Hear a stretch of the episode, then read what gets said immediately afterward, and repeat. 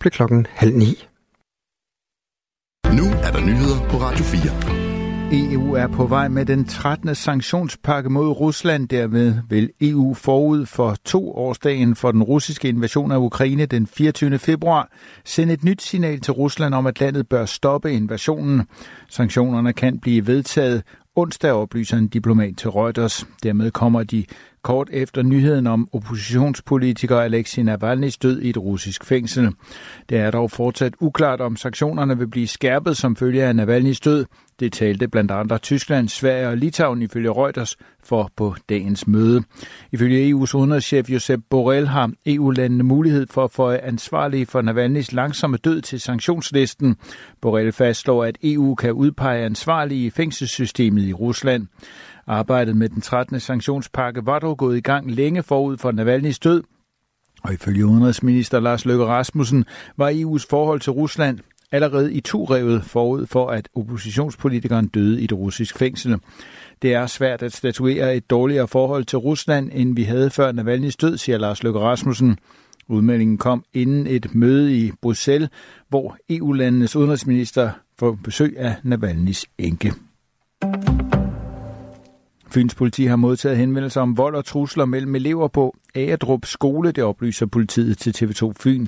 Politikredsen modtog tre henvendelser om vold og trusler sidste år, mens den også har modtaget henvendelser om to konkrete episoder i år. De to sager fra i år omhandler fire unge, som har fået det dårligt efter indtagelse af det, der formentlig er hash, skriver mediet. Under et byrådsmøde har politikere i Esbjerg i dag besluttet at afsætte penge til at bygge en 2 km lang mur, som skal beskytte byen fra oversvømmelser i fremtiden, det skriver DR. Politikerne har ifølge mediet bundet sig til at afsætte 47 millioner kroner til projektet. Muren, der skal være 90 cm høj, skal efter planen stå klar på to år. Den skal etableres, så den adskiller havnen fra Esbjergs bymidte. Esbjerg er et af 14 områder i Danmark, som er blevet udpeget til at være i særlig risiko for oversvømmelser. Byen blev udpeget af Kystdirektoratet i 2018. I den forbindelse blev de lokale politikere bedt om at lægge planer for, hvordan man beskytter sig mod højere vandstand fremadrettet. Det resulterede i planerne om at etablere den 2 km lange mur. Bodil Anker Nielsen, der er klimakonsulent i Esbjerg Kommune, forklarer, at Esbjerg by ikke i dag er sikret mod eksempelvis en stormflod.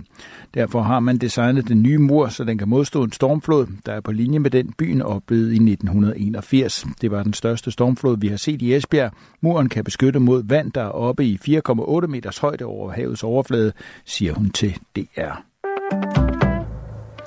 Jonas Vingegaard åbnede 2023-sæsonen med et brag, da han massakrerede konkurrenterne i etabeløbet O Gran Camino, hvor han vandt tre etapper og det samlede klassement. Den oplevelse var så god, at Jonas Vingegaard i år har valgt at vende tilbage til det spanske etabeløb, som begynder torsdag. Jeg nød løbet i Spanien sidste år, hvor jeg vandt tre etapper og det samlede klassement i mit første løb i sæsonen. Det er altid dejligt at komme tilbage som forsvarende vinder, og målet for i år er klart. Vi vil prøve at forsvare min titel, siger Jonas Vingegaard ifølge Cycling News. I aften og i nat mest skyet med lidt regn, hister her og stedvis tåge, men i Nordjylland måske perioder med klart vejr. Temperaturer ned mellem 2 og 5 grader. Svag til frisk vind fra vest og nordvest. I morgen tirsdag mest skyet og stedvis diset eller tåget med mulighed for lidt regn eller finregn. Temperaturer op mellem 5 og 10 grader.